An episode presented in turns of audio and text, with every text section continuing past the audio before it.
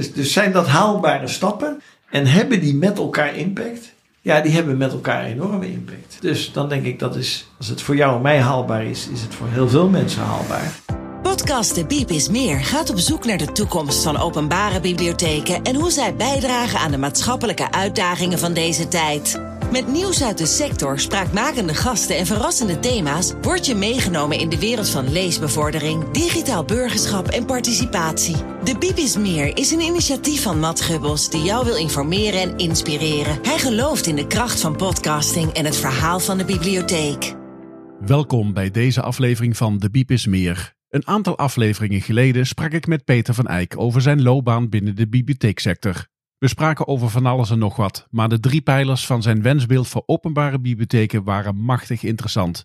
In deze aflevering gaat hij in op de derde pijler, waarin hij uitweidt over de positionering van de bibliotheek in het democratische landschap. Luister goed naar zijn blijmoedige visie, waarbij we aangespoord worden om verandering met elkaar te realiseren en samen de toekomst te maken. Als ik met gepast jaloezie kijk naar de Scandinavische landen, dan zie je dat daar de bibliotheek heel sterk verankerd is in een democratisch landschap. En dat daarom ook dat lidmaatschap gratis is. Als je in de WSOB kijkt, dan ja, kan ik nog wel een intellectuele bocht maken dat het ook iets te maken heeft met de vitaliteit van onze democratie. Maar het staat niet in de preambule. Dus we nemen nu de aanloop uh, naar uh, uh, de wetsevaluatie voor de tweede ronde van vijf jaar. Nou, je raadt al, als ik mee mag doen, waar ik voor zal pleiten, is een voor veel sterkere verankering in de democratie. Omdat als ik als oude politicoloog kijk naar het democratisch landschap en de vitaliteit, dan zie ik met jou, noem maar een onderwerp en het polariseert. We hebben nu vluchtelingenopvang. Dan komt een staatssecretaris met: Ik moet een voorziening treffen in Tubbergen. En dan is het eerste wat we zien een, een opstandje daar en bewoners daar die dat hotel willen kopen. Dan denk ik: Ja, mensen, waar kiezen we nou voor met 17 miljoen? Om de deur voor vluchtelingen dicht te doen? Of hebben we met elkaar als gemeenschap daar een taak te vervullen? En of het dan Tubbergen moet zijn of de Apelde, ik blijf daar buiten. Maar je ziet wel dat eigenlijk ontmoeting en debat, via de functie uit de WSOB, dat vindt eigenlijk nauwelijks meer plaats. We ontmoeten elkaar niet meer. En ik denk, we hebben nog een bibliotheeknetwerk met 1000, 1100 vestigingen, al naar gelang hoe je rekent. De bibliotheek is bij uitstek de plaats, lokaal, om partijen bij elkaar te brengen. Het gemeenschappelijk belang, dat is namelijk een vitaal Nederland, onder ogen te zien. En dan de kwesties te adresseren, want die vluchtelingenkwestie is natuurlijk een belangrijke kwestie. De, de boerendemonstraties zijn belangrijke kwesties. Maar ik zie dat die dialoog weinig plaatsvindt. En zoals ik naar de bibliotheken kijk, we hebben die wettelijke functie. We zijn er met 1100 vestigingen. Laten we proberen om dat soort gesprekken in de democratie meer dan voorheen te faciliteren, maar ook ervoor te zorgen dat er wettelijk ook oog is voor onze rol wat dat betreft in het democratisch landschap. Ik vind het heel mooi dat je, dat je dit noemt, ontmoeting en debat. Ik vind dat zelf een van de meest ondergeschoven kindjes als het gaat om eh, de wettelijke functies van de, bibliotheek. Ik sprak een aantal weken eerder met een, een kerstverse nieuwe directeur, bibliotheekdirecteur van eh, Veluwezoom, Duco Pinkst. Uh, die heeft zelf in Zweden gewoond en, en uh, gewerkt. Voor Loesje, de, destijds ja, dan, de, de, de. moet hij dit uh, direct herkennen. Precies. Ja. En ik had het met hem erover van. Het maatschappelijk debat op dit moment is ontzettend gepolariseerd. Ja. Dat is ergens in coronatijd, misschien al daarvoor is dat gebeurd. En dat gaat maar door tot en met stikstof van toe. In hoeverre moeten wij als sector, die toch probeert onafhankelijkheid in, in te nemen, in hoeverre moeten wij ons bemoeien met dat debat? Omdat je zo snel ook ja, weer gecanceld kunt worden als je een, een, een positie inneemt. Ja, maar ik vind onze rol. Uh, wij bieden een neutraal openbaar platform voor ja, wat ik nu zou liever noemen ontmoeting en dialoog debat, kom je natuurlijk al bij het Franse uh, debatteren. Hè, dan ben je al met elkaar verbaal aan het slaan. Dialoog vind ik een veel prettiger woord wat dat betreft. En naar de geest van dat wetsartikel gaat het ook om ontmoeting en dialoog. Onze positie hoeft niet anders te zijn dan wat een bibliothecaris van oudsher deed. Het, uh, het, het op tafel leggen van relevante informatie. Ik kijk altijd met enorm veel plezier naar de boeken en de blogs van David Lenkes, de community librarian uh, die daar prachtige uh, verhalen over heeft geschreven. Dat het gaat om de community en niet per se om de collectie. De collectie heeft zijn betekenis in de community.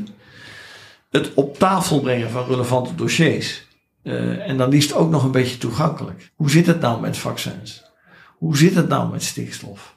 Wat zijn eigenlijk die Natura 2000 gebieden? En dan in mijn eigen woonplaats. Ik woon in Apeldoorn. Nou, dan zou je willen dat daar een lokale bibliothecaris zit. Die zegt van nou, kom bij elkaar. Als ik, uh, Apeldoorn is een vrij uitgestrekte gemeente.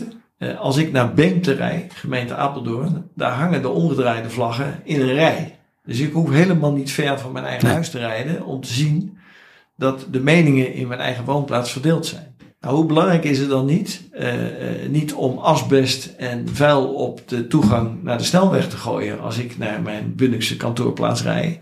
Maar om te zeggen, nodig die mensen uit. Breng relevante bronnen op tafel.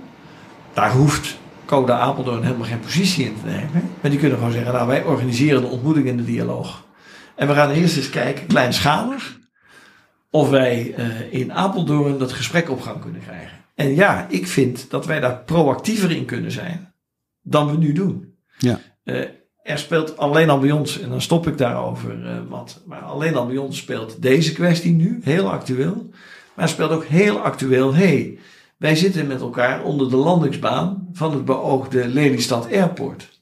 Nou, ik kan je zeggen, als inwoner van die mooie gemeente word ik daar nou niet zo vrolijk van. Want als ik probeer te snappen wat er met klimaatverandering aan de hand is, dan denk ik, nou, uh, als, als, als inwoner van dit land lijkt me helemaal niet nodig om uh, hele goedkope airliners een extra landingsplaats en startplaats te bieden.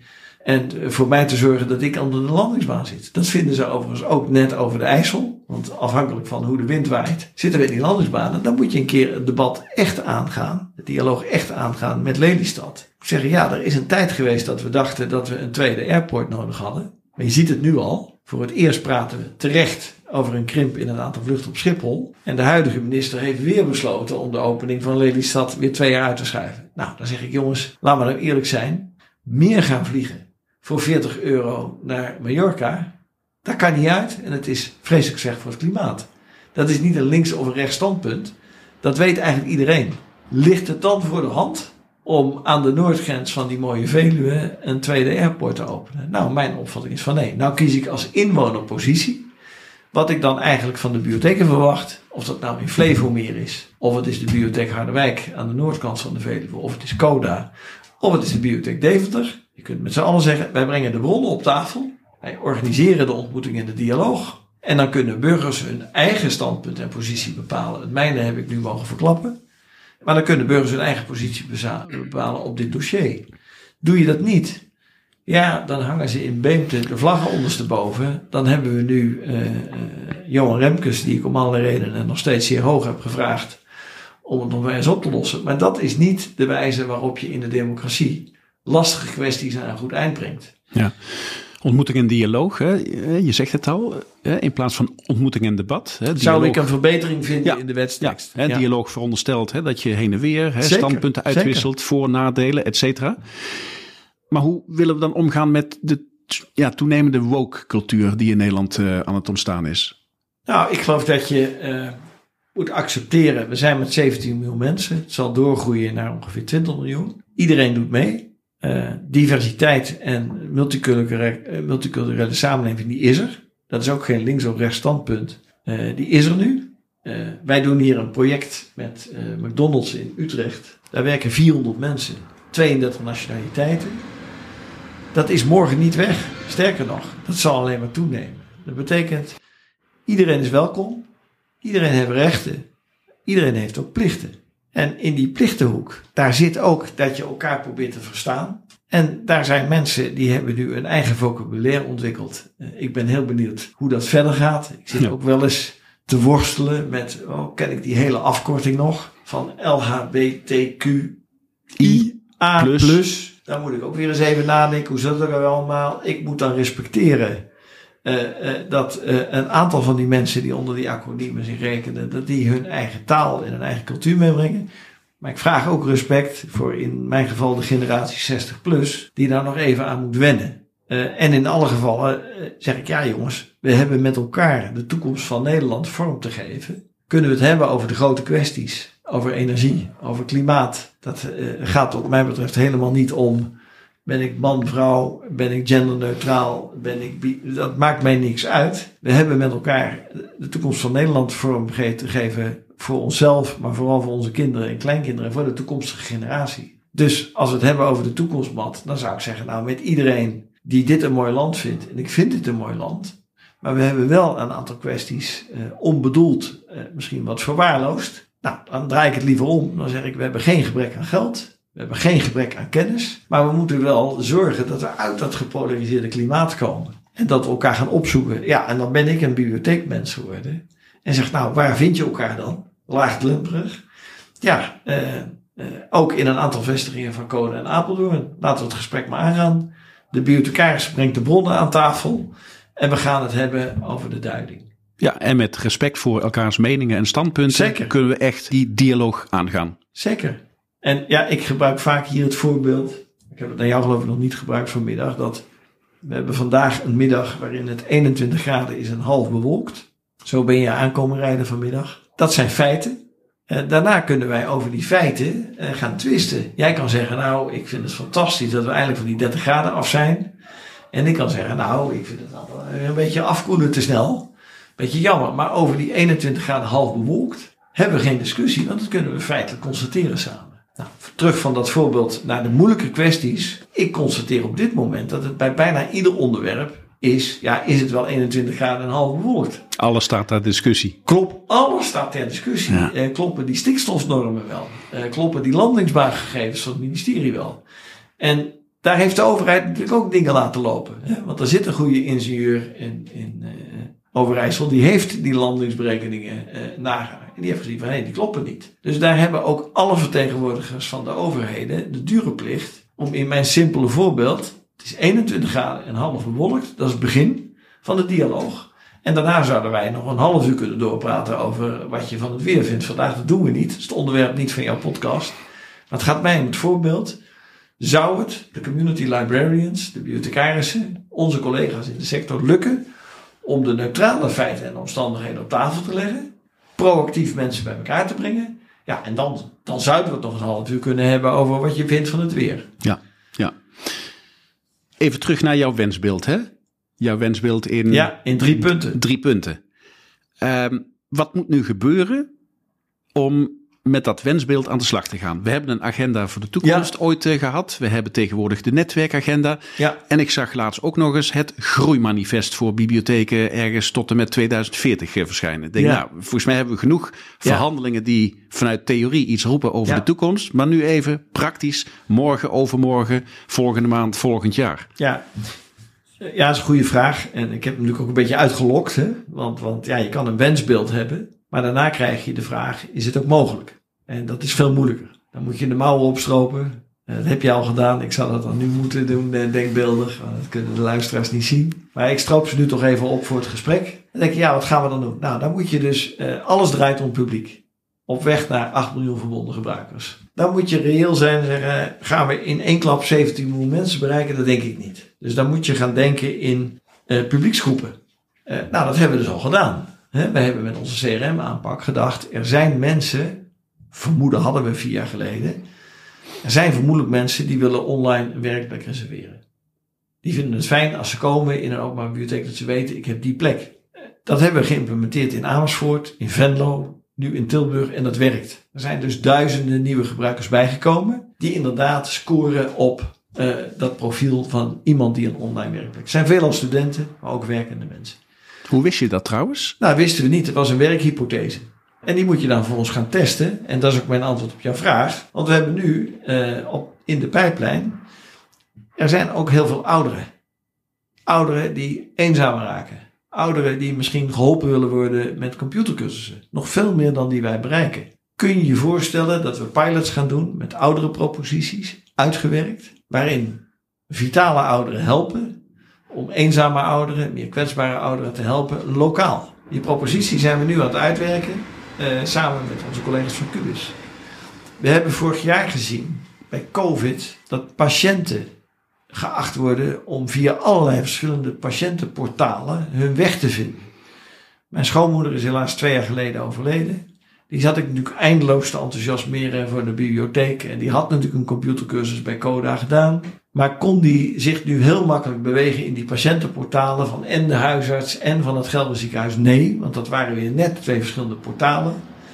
En ondanks mijn uh, geduld en enthousiasme, zij koos er uiteindelijk voor om toch maar gewoon met de taxi iedere keer te rijden. Eén dag voordat ze naar de specialist ging, sta ik nog in de agenda van de specialist.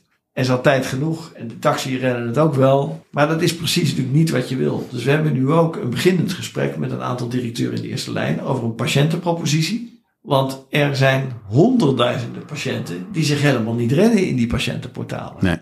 En die helemaal niet zien. Ja hoor, die afspraak morgenmiddag gaat gewoon door. Ik ben zelfs nog net handig genoeg om in het patiëntenportaal van mijn huisarts uh, erin te komen. En dan kan ik gewoon zien, nou ja, morgenmiddag moet mijn oor worden uitgespoten. En dan kan ik daarna weer doorkletsen en beter luisteren. Dat is voor mij ook goed trouwens. Dus mijn stelling is, als je wil naar die 8 miljoen, dan moet je gaan nadenken in publieksgroepen. En dan moet je gaan kijken, voor wie ben ik nu het meest relevant? Nou, we hebben er nu twee genoemd. De derde is plek 3. Daar is ergens in oktober een webinar. Plek 3, Venlo, ken je, uh, kinderen die een extra zetje nodig hebben. Die kinderen en hun ouders daar hebben een propositie voor. Die werkt al in Venlo. Die willen we versnellen en opschalen. Dus ik denk via die proposities gaan die 8 miljoen. Dat zijn we dus al aan het doen. Mijn tweede antwoord op jouw vraag is dat verhaal over leven lang ontwikkelen. Dat moet dus met kracht worden gespeeld in de lobby. En ik ben net als jij een sportfanaat. Uh, steeds meer een veteraan. Gaat allemaal niet meer zo hard in mijn hardlooprondjes in de kroondomeinen. Maar dan denk ik wel, je moet de bouwstenen voor dat verhaal nu verzamelen. Dat zijn we dus ook aan het doen. Je moet met kracht laten zien, wat bedoelen wij nu met die maatschappelijke educatieve bibliotheek? Dat hebben we gedaan en, en dat hebben we met die IDO's in september vorig jaar ook echt aan iedereen kunnen zien. Alleen, we zijn er nog lang niet. Dus ik vind dat als je kijkt naar de grote topsporters, Pieter van der Hogeband, won die in één keer goud. Nee, die kwam eerst in halve finales en vier jaar later wint hij goud. Hè? Dus in mijn aanloop naar leven lang ontwikkelen 100 euro plus 1000 van jou. Zeg je moet eerst dat verhaal verder gaan opharden, gaan uitbouwen, evidenties opbouwen, impactmetingen doen, zoals jij dat uh, in een andere rol ook heel vaak hebt gedaan. En dan moet je zeggen, nou voor 2032 wil ik wel dat het wettelijk verankerd is. En in de aanloop ernaartoe zal ik steeds meer als netwerk laten zien wat die evidenties zijn en wat de effecten van onze interventies in het non, in, in het non formuleren wat die zijn. He, dus in die zin was mijn punt, ja, ik, ik hoop, uh, ik citeer vaak Tutu, I'm a prisoner of hope. Ja. En dat ben ik zolang ik rond mag lopen op de aardkloot. Ja, dat ben ik ook. Maar je moet het niet laten bij hoop. Je moet ook kijken, wat zit in mijn invloedssfeer? Wat kan ik aan pilots opzetten, kleinschalig, om daarna te kunnen uh, versnellen en te kunnen opschalen? Nou, dat is wat ik probeer te doen met collega's. En wat we nu met die online reserveringen voor het eerst aardig voor elkaar hebben. Maar dat zijn de eerste stappen op een ongelooflijk lange weg. En het verhaal over leven lang ontwikkelen. Ja, als we niet met 150 directeuren dat veel korter dan ik nu doe. Want ik krijg nu van jou de ruimte om erover uit te wijden. Maar je moet natuurlijk eigenlijk een 30 seconden versie hebben voor een wethouder die net nieuw is. En die god bibliotheek, dat is toch boeken? Nou, dan moet je eigenlijk de 30 seconden versie hebben van de maatschappelijke educatieve bibliotheek. Ja, en wellicht ook niet in de valkuil stappen dat we tevreden moeten zijn met Good Habits. Dat is een van de platformen via welke we ons onszelf dingen bij kunnen brengen. Maar ja, daar kan natuurlijk nog heel veel meer. Daar kan heel veel meer. En als oude sportveteraan, ik ben een tennisfan zoals je weet, jij weet meer van voetbal. Ik zat uh, ballen te rapen bij Tom Okker, bent u daar nog luisteraar? 1968 Davis Cup. Toen was ik tien jaar ballen rapen. Ik ben nooit zo goed geworden als Tom Okker. Maar wat ik ermee wil zeggen is, je moet wel goed kijken wie is er verder op deze weg dan wij. Als ik uh, kijk naar de ID-store in Londen, dan zie ik uh, niet Good Habits, maar dan zie ik een enorm scala aan online cursussen. En ik zie nog iets anders. Ik zie ook dat ze die cursussen geven in wijk- en buurthuizen. Dus dat is niet alleen in de centrale vestigingen van bibliotheken, die ik prachtig vind. Maar je moet ook erkennen de Lokhal, Groninger Forum, Centre Ceramiek, Rosette, noem ze allemaal op. Niet iedereen voelt zich comfortabel om daar naar binnen te lopen. Er zijn ook heel veel mensen met gebroken schoolcarrières. En die denken, ja, is dit wel voor mij bedoeld? Moet ik daar dan een boek gaan lezen? Dus als ik gewoon afkijk, wat ik als tennissertje ook al deed, is beperkt gelukt. Dan denk ik, nou, zo'n idea store zie ik ook gewoon heel dicht bij publieksgroepen opereren met vrijwilligers. Dus ik denk dat wij ook daar niet tevreden kunnen zijn met, nou, we hebben Good Habits afgekocht voor een jaar. Dan moet je ook goed kijken hoeveel mensen bereiken we dan nu. Nou, ik heb de cijfers nu niet paraat, maar we vallen er nog niet van om. Dus dan moeten we goed kijken. Dat moet dus qua marketing veel sterker nog naar buiten. Uh, en we moeten ons ook afvragen: zijn we dan met onze prachtige culturele paleizen voor het volk, zijn we ook echt in staat om die bevolking en die politiegroepen te bereiken? En dan is mijn eerlijk antwoord: nee. Daar kunnen we van onze overburen, uh, uh, de Engelsen, nog heel veel leren. Maar dan ben ik tien jaar naar nu, hè? Ja, we zitten nu in een podcast. We hebben een zeer amusant gesprek, vind ik zelf. met, met mooie ja, toekomstbeelden. Zie je een podcast ook als onderdeel van die toekomst? Van dat leren ontwikkelen? Dat, dat ook content door middel van een podcast gemaakt en verspreid kan worden? Ja, een van de, een van de mooie voorbeelden uh, die we nu hebben is de Human Library. Het is bijna niet voorstelbaar zoveel kennis als er bij mensen zit, uh, die ze ook willen delen. Ik vind dat altijd geweldig. Ik heb een zwager die weet heel veel van computers. Dus als ik een nieuw moet hebben, dan heeft hij voor mij al lang uitgezocht uh, wat voor type laptop zou je nou moeten gaan doen. Dus in die zin denk ik, er zijn op lokaal niveau heel veel deskundigen die graag die kennis delen. En wat is er dan niet mooier dat je in een niche van een niche van een niche over cricket in Nederland kan doorpraten. Omdat je één cricketfan hebt uh, in jouw gemeente. Of over een niche van een niche van een niche. Iemand die heel veel meer weet van Torbeck en Nick is ook niet zo moeilijk. Die zegt, god, dat is nou leuk. Ik kan op lokaal niveau, ik doe een ronde tafel. Ik geef vier mensen een microfoon. Want daar bleken vier mensen in deze gemeente alles te weten van deze grote liberale voorman. Ja, dit is zo'n fantastisch medium. En dat gaat natuurlijk ook als paddenstoel uit de grond. Dat blijft denk ik een taak voor de bibliotheek. Niet alleen om die ruimte te bieden. Dat gebeurt ook al op een aantal plaatsen hè, waar podcasts ja, worden opgenomen. Ja. Maar ook om, is er nog een gids voor jou en voor mij die zegt, nou eh, Peter, geef je voorkeuren maar op. Want je houdt het natuurlijk belangen daar niet meer bij. Het aantal, nee, ik hou het ook niet meer bij. En ik, heb, en ik heb ook niet de illusie dat ik zelfs op podcastgebied nog weet, op de gebieden die mij interesseren, politiek, cultuur, sport, ga zo maar door, dat ik helemaal bij ben, omdat voor mij de meest relevante podcasts zelfs al in Nederland zijn. Dus ik zou het fantastisch vinden als ook collega's van ons die, die community librarian zijn, zeggen, nou laat bij mij een profiel achter en dan geef ik jou op je profiel aan zonder enig commercieel belang, wat voor jou de interessante bronnen zijn om te gaan volgen. Dus ik denk dat het medium wat jij nu hebt opgepakt en met verven uh, invoert met jouw podcast, ik hoop dat het veel mensen inspireert. Peter, ik kijk terug op een uh, blijmoedig uh, gesprek. Op een gesprek waarin vooruitgang, toekomst haalbaar lijkt. En dat ondanks alle uitdagingen en ongemakkelijke waarheden die in de loop der tijd geheel onbedoeld, ik citeer jou, geheel on, onbedoeld ontstaan zijn. Ja. Hoe krijg je dat voor elkaar om in deze wereld uh, zo, zo ontzettend blijmoedig te blijven? Nou, dat is voor een deel karakterologisch, denk ik. En dat, uh, dat geluk heb je dan. Maar het is ook, uh, als ik het voor mezelf, en, en gaat het mij iedere dag even makkelijk af? Nee. Maar ik probeer goede bronnen te raadplegen die mij iedere keer weer inspireren. Ik ben helemaal geen gelovig mens, maar je kunt toch niet anders dan een fan zijn van Tutu. Zo'n Prisoner of Hope, prachtig. Hans Rosling, helaas overleden, de statisticus die, die liet zien, het gaat helemaal niet zo slecht in de wereld als u denkt. Uh, iedereen kan dat uh, nazien. Die noemt zichzelf ook een possibilist in plaats van een optimist. Oh ja.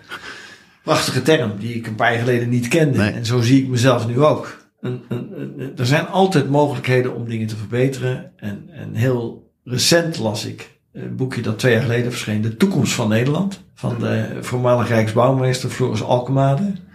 Nou, uh, Matt, als ik jouw luisteraars nog één boekentip mag geven, dan is dat De Toekomst van Nederland, met als ondertitel De kunst om van richting te veranderen. We moeten als samenleving van richting veranderen. We moeten als organisaties de nieuwe richting kiezen. En op microniveau, wij zullen ons eigen gedrag moeten veranderen. En hij gaf één voorbeeld, en daar eindig ik dan mee. Hij had het over de uh, intensieve veehouderij, waarvan iedereen wel aanvoelt, dat kunnen we zo niet volhouden.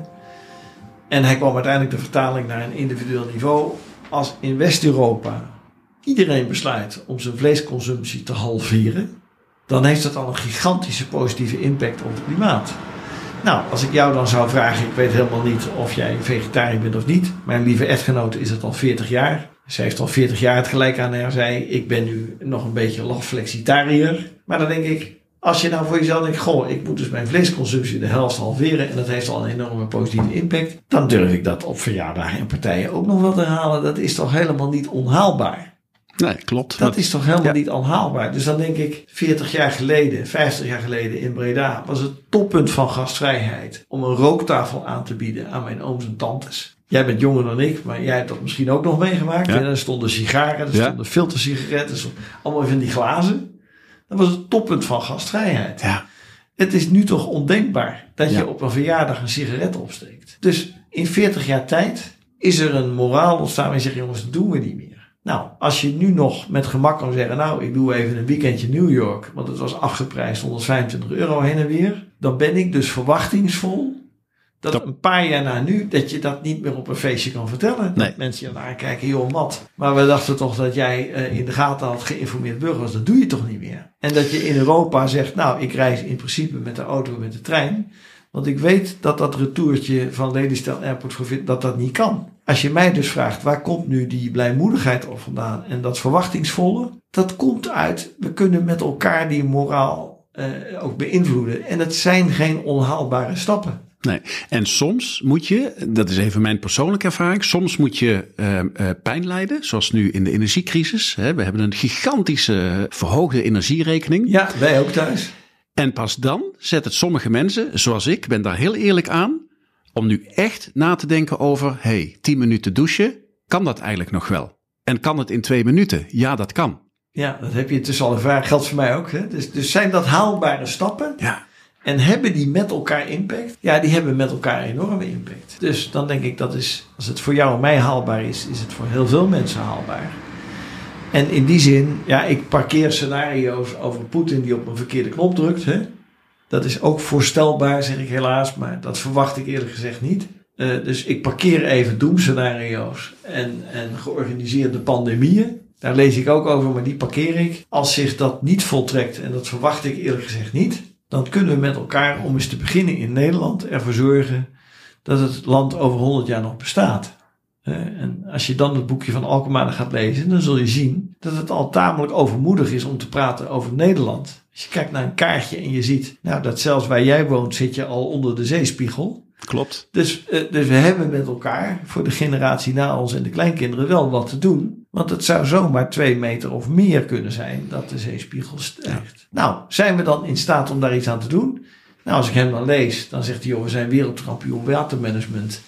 En we hebben geen geldprobleem. Dus, nou, we hebben de mouwen nu al opgesteld, Mat. Aan de slag. Nou, dat verklaart voor een deel mijn blijmoedigheid als het gaat om de toekomst van onze sector. Ja, nee, ik geloof daar eh, met jou in en, en daarom benoem ik het ook. Blijmoedigheid is de kern, de basis van eh, vooruitgang. Ook in moeilijke tijden. Wij kunnen ons geen pessimisme veroorloven. Nee. En ik hoop dat heel veel mensen zich, zich ook op deze manier weer door jouw woorden, door mijn vragen en jouw antwoorden daarop weer ja, zich geïnspireerd voelen om ja, morgen weer nieuwe, leuke, andere dingen te doen, stappen te zetten. Ja, zodat onze kinderen en de kinderen van mijn kinderen straks eh, een prima bestaan kunnen hebben. Ja, en als die dan over honderd jaar denken: God, dat hebben ze destijds eh, toch goed gedaan, die voorouders van ons. Zoals wij in dit gesprek stil hebben gestaan bij goede voorouders, verlichtingsdenkers. Mensen die hebben gewerkt aan openbare leeszalen en aan scholen. Denk ik, nou, laat dat onze gezamenlijke opgave zijn. En ja, die pak ik dan maar liever een beetje blijmoedig aan. Ik heb eh, nogal wat eh, halve marathons en één keer een marathon gelopen.